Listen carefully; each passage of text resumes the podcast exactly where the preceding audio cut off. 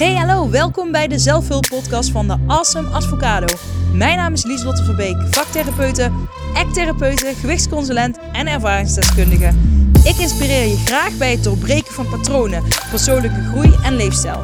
Het mooiste wat je kunt worden is jezelf en dit resultaat hoop ik bij jou te kunnen behalen. Oké, let's do this!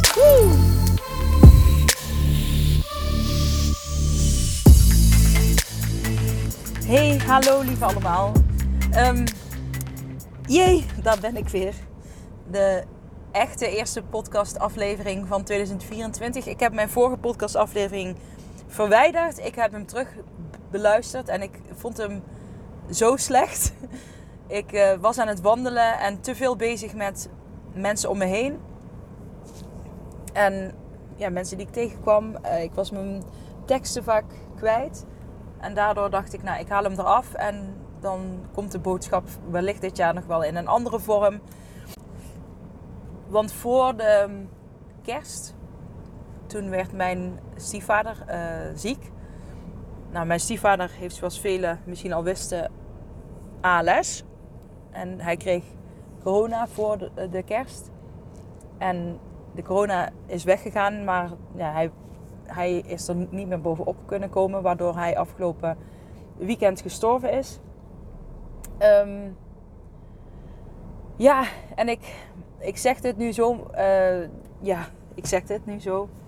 En ik dacht, kan ik nu wel een podcast opnemen? Is het niet respectloos om een podcast op te nemen? Er gaan zoveel gedachten door me heen. Ik heb deze week, uh, een, ik heb een week verlof gekregen. Um, nou ja, wat heel fijn is. Omdat ik echt een rollercoaster, een rollercoaster aan um, emoties heb momenteel. Maar het is heel fijn dat ik die week heb gekregen. Omdat ik bij mijn vader... Nou ja, toen zat ik in de ziektewet uh, toen er tijd. Want toen zat ik in een rolstoel vanwege mijn bekken. En ik zat ook... Ik had ook zwangerschapsverlof. Want mijn zoon was net geboren, tien dagen. Uh, nee, een paar weken oud was mijn zoon. Dus ik had zwangerschapsverlof. Maar daarvoor zat ik in de ziektewet vanwege de rolstoel. Anyways, dus toen had ik net een zoon. Dus toen had ik niet echt tijd om echt stil te staan bij wat er nu allemaal gebeurt. En ik moest van mezelf door. En uiteindelijk heb ik echt acht jaar of zo last gehad van dat verdriet. En ik ben daar gewoon denk ik niet zo goed in. Dus ik dacht nu van, oh mijn god, hoe ga ik daarmee om? Hoe ga ik uh, dit verdriet een plekje geven. Uh, weer een vaderlijk figuur wat wegvalt uit mijn leven. En natuurlijk uh, gaat dat zo, zo ja, dat, daar, daar, tijd is daarvoor nodig. Maar ik heb wel besloten, want ik heb deze week echt, ik ben heel actief geweest met dingen regelen, dingen maken. Toen ben ik weer helemaal, nou ja, het, huis op gaan ruimen. Ik, ik heb me helemaal teruggetrokken. Um, gisteren heb ik heel veel in bed gelegen. En uh, ja, ook gewoon minder zin om dingen te doen. Um, ik, ik voelde me. Nou, wat ik vooral heel lastig vind is. Um, toen mijn vader stierf. Toen, nou, toen kreeg ik echt. ja, toen kreeg ik gefeliciteerd met de geboorte van je zoonkaarten. En condoleans, condoleanskaarten tegelijkertijd. Wat heel heftig was, maar toen kreeg ik heel veel kaarten. En nu heb ik er vier gekregen. En niks uh, ten nadele van mensen die... Ik bedoel, mensen leven mee. Wat heel lief is. Hè, berichtjes. Maar hè, toch is het... Ik vind dat gewoon lastig. Dat je dan... Uh, mijn moeder heeft al echt 80 kaartjes. En gewoon elk kaartje voelt als een knuffel. En ik heb er nu vier. En daar ben ik heel dankbaar voor. En uh, ik kreeg net een bos bloemen van mijn werk en ik schoot helemaal vol. Om, gewoon omdat ik daar gewoon. Het is gewoon zo fijn als je die, die steun voelt. Dat voelt dan als, echt als een, ja, als een knuffel. En dat, dat geeft kracht. Dus um, ja, mocht je iemand in de omgeving eh, hebben, weet je al, die zoiets naast meemaakt, dan denk dan dat een kaart wel echt heel veel kan doen. En ja, dat wilde ik even delen. En het is niet dat, ja, punt, dat. En um, ik ben toen, ik, ik merkte dat ik de afgelopen dagen daardoor ook een beetje mezelf meer ging terugtrekken. En toen kwamen er ook weer meer negatieve gedachten over van, ja, hè, ja mensen zien mijn verdriet niet en bla bla bla. Nou, ze zei mijn man ook, maar ja, als je niemand toestaat, dan komen ze ook niet. Maar ik heb het geprobeerd, maar ik ben dan te moe. Ehm, ik wil dan toch gewoon alleen zijn. Veel uh, koekjes, Marie koekjes heb ik gekocht. Ja, al jaren terug dat ik ze uh, heb gehad. Maar Marie koekjes is mijn eetbuitrigger ook. Dus ik heb veel Marie koekjes gegeten en dat heb ik gewoon helemaal gelaten. Ik heb gemerkt um, vanuit mensen met ADHD en mensen die misschien ADHD hebben, maar dat nog niet weten. Um, hè, vooral vrouwen wordt dat vaak gemist. Bij vrouwen wordt dat vaak gemist. Dan komen ze vaak op latere leeftijd achter. Zeker als je een bepaalde intelligentie hebt om dat goed te compenseren. Um, wat wilde ik nou zeggen? Nou, een kenmerk van ADHD. En dat is volgens mij nog niet echt in de DSM opgenomen. Maar ik weet wel dat mensen, of ja, dat er, ja, dat er uh, een ontwikkeling gaande is en dat mensen ermee bezig zijn om het wel in de DSM opgenomen te laten worden. En dat is dat mensen met ADHD ook um, moeite hebben met emoties reguleren. En daar herken ik me enorm in. Want e-, emoties reguleren is ook een, iets wat ik veel opzoek. Wat ik ook heel erg moet doen. En uh, reguleren dat doe ik in sporten, in, in de creativiteit die ik, die ik nodig heb. Maar die heb ik ook echt nodig om te reguleren. Boekjes die ik koop en waar ik tekeningetjes in maak. Wat voor een ander, weet je wel, niks voorstelt. Maar dat is, um, nou voor de ander kan dat ook iets betekenen natuurlijk. Maar ik moet echt bewust die regulatie inzetten. Want anders ga ik het vasthouden in mijn lichaam. En ik weet niet, dat, nu deze week ook, er zijn zoveel emoties en ik weet niet wat ik moet doen. En ik ben dan, oké, de coping om terug te trekken. Uh, is dat een werkende? Nee. Dat, vanmorgen heb ik besloten van, oké, ik ga me niet meer terugtrekken. Um, ik ga de dialoog met de ander aan. Iets wat ik juist heel erg ook van mijn stiefvader heb geleerd. Uh, hij was advocaat. Um, en uh, nou, weet je al, ik denk dat hij daarom ook wel dat heel erg durfde om de dialoog met de ander op te zoeken. En ja, dat deed hij bij mij ook altijd heel vriendelijk. dat je eigenlijk nooit negatief terug kan reageren. Um, maar nou ja, dat, die coping dacht ik geen idee. Nou ja, heel veel koekjes eten en ongezonde dingen eten, wat ook een coping voor mij is. Om emoties te reguleren, uh, heb ik ook ingezet. Maar ja, dat is niet iets waar ik gelukkig van word. En um, uiteindelijk geeft het je alleen maar meer negatieve gevoelens. Dus dat wil ik ook niet gaan doen. Slapen is ook een. Uh, hè, ik heb toevallig om mijn horloge vandaag gezien. Ik heb een, uh, Garmin horloge en ik had heel veel remslaap vannacht. En in je remslaap, dat is ook de, uh, het gedeelte van je slaap waarin je emoties verwerkt. En ik had een verhoogde remslaap. Daar is niks mis mee. Maar toen dacht ik, oké, dat is goed. Want dan ben ik daar aan het verwerken geweest. En ik voel me vandaag ook echt beter dan gisteren.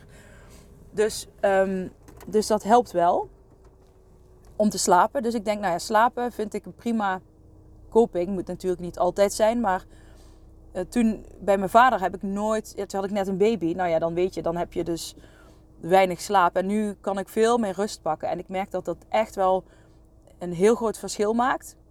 Um, om, ja, om die, meer die emoties te reguleren. Um, en ik ben heel dankbaar dat ik deze week heb gekregen. Dat ik ook echt deze week gewoon al die rollercoaster emoties er mag laten zijn. En ja, dat ik dat dat oké is. En dat kon ik bij mijn vader niet. En, en, en ik was op het begin ook bang van oké, hoe ga ik hierop reageren? Hoe ga ik dit nu weer doen? Um, want er gaat weer van alles veranderen. Uh, ook voor mijn moeder. Hè, dus ja, wat wordt er van mij verwacht? Um, en wat ik dus ook heel erg geleerd heb, is dat ik altijd heel erg bezig ben met de emoties en gevoelens van anderen. En dat ik daardoor, ook omdat ik dus heel veel voel en daar moeilijk woorden aan kan geven, maar dat ik nu ook veel meer deel wat ik wil, wat ik vind. Ik hoef niet. Weet je, als ik denk, nu is het even klaar. Uh, als er iemand wil langskomen en ik wil dat niet, dan mag dat ook zijn. Of als ik, uh, ik, ik hoef niet uh, um, alles te weten wat er georganiseerd wordt. Ik, ik mag dat ook een beetje loslaten. Ik hoef die hè, controle is ook wel een soort van coping. Um, maar dat heb ik niet heel erg, maar wel dat ik mezelf wegcijfer voor de ander. Dat ik dan alles volg wat anderen willen. Anderen willen. En daar ben ik nu ook achter gekomen van hé, hey, ook mede dankzij een vriendin waar ik een goed gesprek mee had. En toen besefte ik me van oké, ik ben wel heel erg bezig met het verdriet van anderen, maar mijn verdriet mag ook zijn. En ehm, ik mag ook zeggen wat ik vind en wil. En ik vind dat wel lastiger, omdat bij mij ooit dingen nu gebeuren. En dan weet ik morgen pas wat ik ervan vind. En dat, is ook, dat heeft ook te maken met die informatieverwerking. Die vertraagd is bij iemand met ADHD. Ook met mensen met autisme hebben dat. Hè, dat dan ehm, iemand die niet ADHD heeft, die, die, die heeft een, een, filter. Die kan dat makkelijker filteren. Dus dan heb je uiteindelijk ook uh, sneller duidelijk wat er overblijft en wat je dan bijvoorbeeld wil of wat je vindt. En bij mij heb ik die filter niet. Dus uh, voordat ik erachter kom wat ik wil, moet ik eerst alles weer goed opstapelen. Nou ja, dat kan ooit wel twee dagen duren voordat ik het pas weet. Dus uh, dat maakt het soms wel lastig. Um, ja, dat maakt het soms wel lastig. ik denk ja, maar dat, dat is ook gewoon ervaring. En uh, doordat je dingen al vaker hebt meegemaakt, helaas dan dat ik mijn vader al een keer, al een keer verloren ben en nu dan mijn stiefvader. Die hè, dat wel een, een, een, gedeelte van het vaderlijke stuk um, nou, niet verving, maar wel wat ik weer in mijn leven had gekregen. Wat, wat dan weer, weer wegvalt. Um, nou ja, ik heb natuurlijk ervaring opgedaan met mijn vader. En uh, nu wil ik, oh ik zag 11-11. Nu wil ik niet nog een keer dezelfde dingen doen die toen niet werkten. Dus je leert daar wel van. Dus die informatie heb je al sneller paraat. Dus dat is dan wel weer fijn.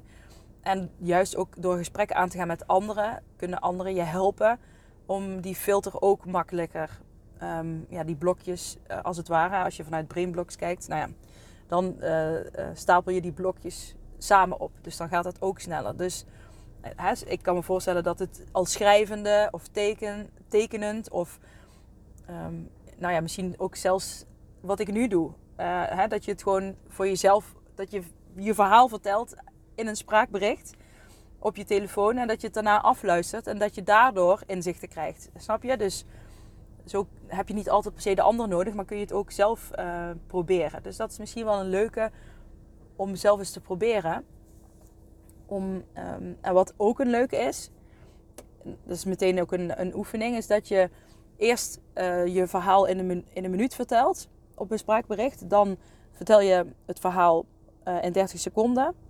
Dan in 20 seconden, dan in 10 seconden. En dan misschien in 5. Maar, en dan kijken wat er overblijft. En vaak heb je dan toch wel de kern te pakken. Want als ik dat nu zou doen, uh, zou ik in 5 seconden zou ik zeggen: stiefvader overleven verdriet, weet niet, hoe uh, weet niet hoe ik ermee om moet gaan. dat, dat zeg ik nu echt gewoon geïmproviseerd. Dus nou ja, dat is ook wel wat ik net zei. Ik vind het gewoon lastig om die emoties te reguleren. Hoe moet ik ermee omgaan? Dat is wat, waar ik mee bezig ben. Dus ik vind het grappig dat ik dit nu in vijf seconden zeg. Maar dat is wel de kern waar het om gaat. Ja, dus ik vind het grappig. Nou het is een zelfinzicht wat ik even krijg. Um, ja, en ik lach nu. En uh, daar voelde ik me eerst ook schuldig over. Van, maar, ook bij mijn vader mag ik nog wel lachen. Mag ik nog wel doorleven. Um, iedereen gaat door, maar mijn wereld staat stil. En dat heb ik nu ook. Van, zie, mensen, zie eens hoeveel verdriet wij hebben. Hoeveel, uh, hè, dat wij weer zo'n verlies moeten meemaken. Mensen zien dat. Jullie gaan allemaal door. Het, dan voelt het alsof het anderen niks interesseert. Maar ik heb inmiddels meer ervaring. En um, ik was toen uh, eh, 25, net 25 toen mijn vader stierf. Nu ben ik 36. En ik heb inmiddels wel hè, om mij heen ook vriendinnen die hun vader verloren zijn of, of moeder verloren zijn. En um, je, je kunt niet van anderen verwachten dat ze ook stil gaan staan. En het, je, het is juist goed om weer door te gaan, denk ik. En dat is iets wat ik ook heel erg tegen mezelf zeg. Want bij mijn vader voelde ik me heel erg schuldig om door te gaan. Nu voel ik dat stukje schuld ook. Van ik, dat ik nu lach, net, dat ik net een grapje maak. Dat ik denk van, kan ik nu wel een grapje maken? uh, denken mensen dat, ik, dat het me niet interesseert als ik een grapje maak. Maar ik denk juist dat dat de vorige keer niet helpend was voor mij. Dat ik in dat schuldstukje bleef uh, zitten. En terwijl mijn vader uh, het juist goed zou vinden en fijn zou vinden dat ik door zou gaan. En ik weet dat mijn stiefvader dat ook zou vinden. van, die zou juist fijn vinden als ik eh, met mijn moeder leuke dingen ga doen. En dat we er iets moois van maken. En dat, dat we ook mijn stiefbroer en zus uh, en, en aanhang daarbij betrekken. Dat we gewoon contact uh, en blijven hebben en ja, gezelschap samen opzoeken. Ik denk dat, dat degene die, um, die, mensen achterlaat, veel liever heeft dat mensen ehm, niet hun hele leven uh, zich schuldig en verdrietig blijven voelen. Althans, dat zou ik niet willen voor mijn kinderen. Ik zou ze wel heel veel wijze lessen willen geven. Dus ik hoop dat mijn podcastafleveringen dan nog bestaan en dat ze daar iets uithalen. en Oh, ik zag 15, 15. Dadelijk ook even opzoeken. Dus nou ja, dat hoop ik. En nu voel ik me ook al minder schuldig. Want ja, nu voel ik me al minder schuldig. En oh ja, als je denkt, ik hoor ineens een stilte. Ik had de auto, ik zit in de auto. En ik had uh, het koud, dus ik had er verwarming aanstaan. Maar nu heb ik hem even uitgezet. Maar nee, ik heb nu besloten, ik, ga, ik mag verdriet hebben. En ik mag doorgaan met mijn leven. En ik mag doorgaan met de avocado. En ik mag, volgende week ga ik gewoon weer beginnen met werken. En dat mag, en ik mag ook rouwen. En ik mag ook momenten hebben dat ik daar tijd voor neem. Ik mag momenten hebben dat ik gewoon uh, eerder ga slapen. En dat ik mezelf even terugtrek. En dat ik even huil. En dat ik even meer knuffels nodig heb. Dat, en dat mag en, en zijn. En vroeger dacht ik altijd, het moet of dit, of ik ben verdrietig en helemaal depressief en ik doe niks uit respect voor de ander. Maar, maar weet je wel, dat, dat is echt een hele rare overtuiging eigenlijk ook van mij. Dat als, als er iets ergs gebeurt, dat, dat ik mezelf stil moet zetten en dat ik niks leuks mag doen en dat ik moet genieten van het leven. Dus dat, dat, dat is niet zo. En daarom wil ik deze podcast denk ik ook opnemen, omdat ik nu nog heel erg... Ja, mijn stiefvader is nog... Uh, is vandaag om half drie. Dus hij is nog geen week overleden. Hij is bijna een week overleden. Vorige week rond deze tijd was ik daar net een half uurtje ehm, ja, geleden weggegaan. Um, toen heb ik hem nog even ja, levend gezien, zeg maar. Ook zien glimlachen. En um,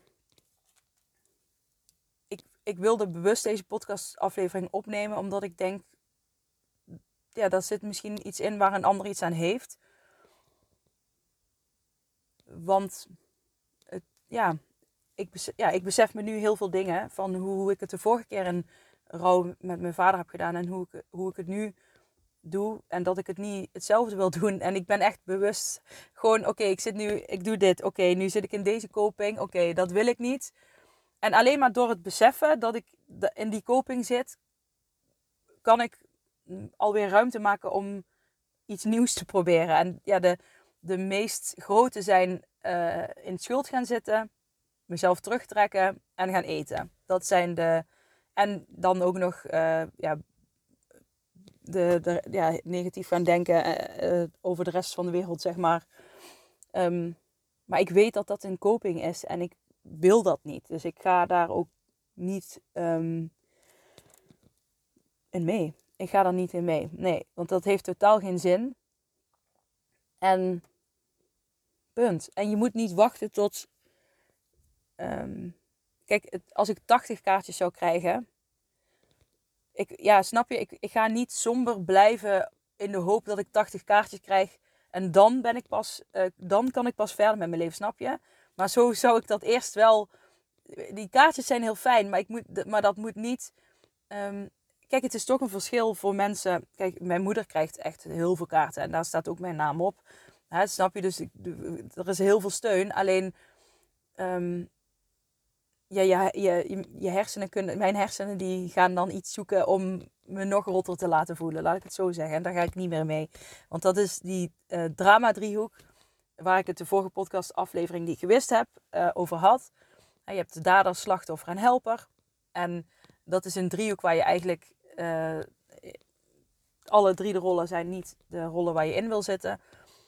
En ik herken daarin heel erg het slachtoffergedeelte. En dan ga ik heel erg in het slachtoffergedeelte zitten. En dan zou ik andere mensen oproepen. Ik wil per se kaartjes en dit. En dan zullen, gaan mensen zich verplicht voelen om kaartjes te sturen. Die willen dan de helper zijn. En dan kan ik ook nog zeggen, eh, mensen aanwijzen als dader. Jij hebt niks gestuurd, jij bent een dader, jij hebt mij extra rotgevoel gegeven, weet je wel. Maar dat is de drama-driehoek. Dus daar wil ik niet in zitten. Ik mag naar de succesdriehoek. Koa. ik herhaal het even, omdat ik die andere podcastaflevering heb gewist. En ik denk, ja, nu ehm, kan ik het sneller zeggen. Koa staat voor kwetsbaarheid, uh, opvoedend en assertief. En kwetsbaar betekent dat staat tegenover uh, slachtoffer hè, in de drama driehoek. En dan de succes driehoek heb je de kwetsbaarheid. Is dan de, de, uh, dat, het, het, nou, de betere variant, laat ik het zo zeggen. En um, kwetsbaar gaat over hè, dat je gewoon mag zeggen hoe je je voelt. En dat dat er mag zijn. En dat is precies wat ik uh, dus heel erg niet deed. Ik ging heel, hè, wat ik net vertelde, ik ging heel erg mijn gevoel wegzetten en de helper zijn voor anderen. dus ik wil jouw emoties, uh, ik, jij bent verdrietig, ik ga er voor jou zijn, maar ik mag ook gevoel hebben. Um, de O staat voor opvoedend, dus ik mag anderen helpen. Maar uh, opvoedend betekent je helpt waar nodig en hè, waar mensen naar vragen, maar niet meer dan dat. Um, dus anderen kunnen, zijn volwassen, hè, die kunnen zelf hun grens aangeven. Dan mag ik van, hè, verantwoordelijkheid nemen voor hun eigen leven. Daar mag ik van uitgaan. Dus um, ik hoef ook niet de helper te zijn voor anderen, maar ik mag wel opvoedend zijn. Dus ik mag wel, als, ik, hè, als iemand iets vraagt of ik zie iets, um, hè, dan mag ik wel daarbij helpen, maar ik hoef het niet helemaal over te nemen of wat dan ook. Um, en de A staat voor assertief zijn. Dus dat gaat ook over je grens aangeven. Uh, en ook luisteren, hè, de dialoog opzoeken met de ander. Dus, dus je gaat niet als een dader, zeg maar, jij hebt dit gedaan, jij hebt dat gedaan. Maar je zoekt de dialoog op van, oké, dit is mijn grens en dat is jouw grens. En hè, dan ga je daarover met elkaar in gesprek. Um, dat stuk is ook wat ik dan van mijn stiefvader eh, heel erg heb meegekregen. Wat ik ook zaterdag in eh, het verhaal ga vertellen. Morgen is de is de uitva of afscheid. Hij, zijn lichaam is naar de wetenschap gegaan. Um, in, de, ja, in de hoop dat er een medicatie uh, voor ALS gevonden wordt. Um, dus er zal een afscheid zijn zonder uh, fysiek lichaam. Dus dat is ook, ja, er is dus ook helemaal geen uitvaartmaatschappij of wat dan ook betrokken. Dus we regelen alles gewoon zelf. Dus het wordt ook heel anders dan ja, normaal. Dus daar moest ik op het begin ook een beetje aan wennen. En dan kun je nog zeggen van ik vind het prima zoals het gaat. Maar, maar ik heb wel dit gevoel erbij. Weet je wel? En dat mag. En eerst zou ik zeggen, oké, het gaat zo. Ik, ik zou het zelf misschien een beetje anders uh, willen. Ik ben helemaal oké met hoe het nu gaat. Maar het is even een voorbeeld. Um,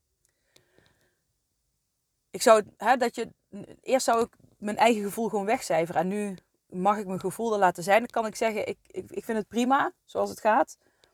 En dit is wel mijn gevoel erbij. Maar weet je wel, ik wil, dat is gewoon fijn om dat, dat uit te spreken. Het mag er zijn. Ik mag dit zeggen. Ik vind het prima, maar ik mag dit wel zeggen. Snap je? Dus dat stuk vind ik ook heel fijn ergens. Gewoon dat ik dat nu ook uh, doe. En ja, dat is eigenlijk wat ik wil, graag wil zeggen. Ik vind het ook fijn om deze podcast op te nemen, omdat ik gewoon even, ja, soort van, hè, wat ik net zei, je, het is een soort reflectie um, van afgelopen week. En alle emoties, schuld, uh, blijdschap, hè, mag je wel lachen, um, eenzaamheid, boosheid, uh, verdriet. Um, nou ja, het is echt een rollercoaster. Daarom heb ik denk ik ook het liedje van Danny Vera net zitten karaoke thuis. Omdat ik dacht, ja, ik vind het gewoon lekker om even te zingen. Hè, zingen is ook voor mij een soort van regulatie. Creatieve therapie, hè, vaktherapie. Um, nou, waar ik nog wel even mee af wil sluiten. En dat mag ook gewoon zijn, want ik wil ook gewoon doorgaan met mijn leven en dingen oppakken. Is ik ga mijn niche, nog mijn doelgroep, nog specifieker maken voor de avocado. En dat komt omdat ik zelf ADHD heb. En ik merk hoe lastig het is dat om je emoties te reguleren. Ehm, ik heb heel veel onderzoeken gelezen afgelopen tijd. Dat mensen, nou ja, ik weet even de percentage niet uit mijn hoofd, maar heel veel mensen met uh, eetbuiproblemen uh, hebben ADHD. En ik, ik nogmaals, de, de percentages kom ik nog een keer op terug. Maar er zit wel een uh, relatie in. En, en er is ook omschreven waarom dat is. Daar ga ik ook een andere keer um, op terugkomen. En daarom wil ik mij ook specifieker richten op eetbui, emotie, uh, uh, eetbui en emotie-eetproblematieken bij mensen met ADHD of mensen die vermoeden hebben het te hebben, snap je? Of mensen die hè, zich daar heel erg in herkennen. Want ja, niet iedereen heeft een diagnose. Dus het is niet zo dat je dan niet bij mij mag komen. Um, maar er zit namelijk wel een verschil in aanpak. Omdat je ja, hersenen nou ja, eenmaal net een beetje anders werken. En je hebt net uh, sommige stofjes wel. Hè, dopamine uh, is, en serotonine geloof ik ook. Maar in ieder geval zeker dopamine wordt minder aangemaakt. En dat heeft ook met je beloningssysteem te maken. Je beloningssysteem werkt ook gewoon anders.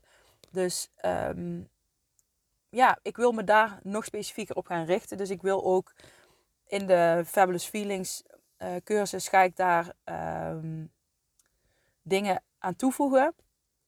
Om, um, die nog specifieker gericht zijn op mensen met ADHD. En dat is even voorlopig de niche waar ik me op wil gaan richten. En ja, daar voel ik mezelf wel oké bij. Ik vind dat gewoon zelf heel interessant. Ook omdat ik het bij mezelf heel erg merk. En zeker nu ik ben gaan werken, heb ik meer uh, interne prikkels gekregen. Ook extern, maar zeker ook intern. En die hebben echt wel invloed op mijn eetgedrag. En um, in ja, afgelopen jaar ben ik daar wel steeds meer in gaan onderzoeken zelf. En kom ik toch veel wetenschappelijke artikelen tegen. En ik denk, ja, oké, hier moet ik dat, wat, hè, wat ik op mezelf toepas, maar wat ik ook met anderen wil gaan delen. Dus ik wil daarom mij niet uh, specifieker maken. En dat zal ik ook nog gaan delen op Instagram. En ja, het is niet dat ik een, hè, het ADHD-dieet, zeg maar, wat je, je hebt van die speciale diëten dat je maar bepaalde voedingsmiddelen mag eten. Um, dat je dan minder last hebt bij AD, van je ADHD. Dat is niet wat ik ga doen. Wat ik ga doen is om mensen helpen met ADHD die last hebben van eetbuien en emotie eten. En ja, dat, um, om dat aan te pakken. Want zoals ik al zei, zijn er veel mensen met eetbuien die ADHD hebben. Dus ja, uh, dan lijkt het me wel echt iets wat uh, waar meer aandacht voor mag komen. En ja, de avocado is nu meer, het, het is niet mijn hoofdinkomstenbron. Dus ik mag gewoon lekker specifiek gaan zoals ik wil. Um, ik hoef niet meer overal ja op te zeggen en dat vind ik heel fijn. Dus dan kan ik nog meer mijn hart volgen. En dat is wat ik dit jaar ook wil gaan doen. Ja, ik ga het hierbij laten. Ik, ik wens jullie allemaal een hele fijne dag. En dankjewel voor het luisteren. En ja, laten we er een uh, mooi jaar samen van gaan maken. Oké, doei doei. Hey, hallo lieve jij. Bedankt voor het luisteren naar mijn podcastaflevering. Vind je hem nou heel waardevol? Deel hem dan vooral op social media. En tag me erin. Op Instagram is dat dieselot-verbeek. En vergeet vooral niet 5 sterren te geven wanneer je beluistert via Spotify. Yes, dankjewel. Dag lieve jij. Tot de volgende. Doei.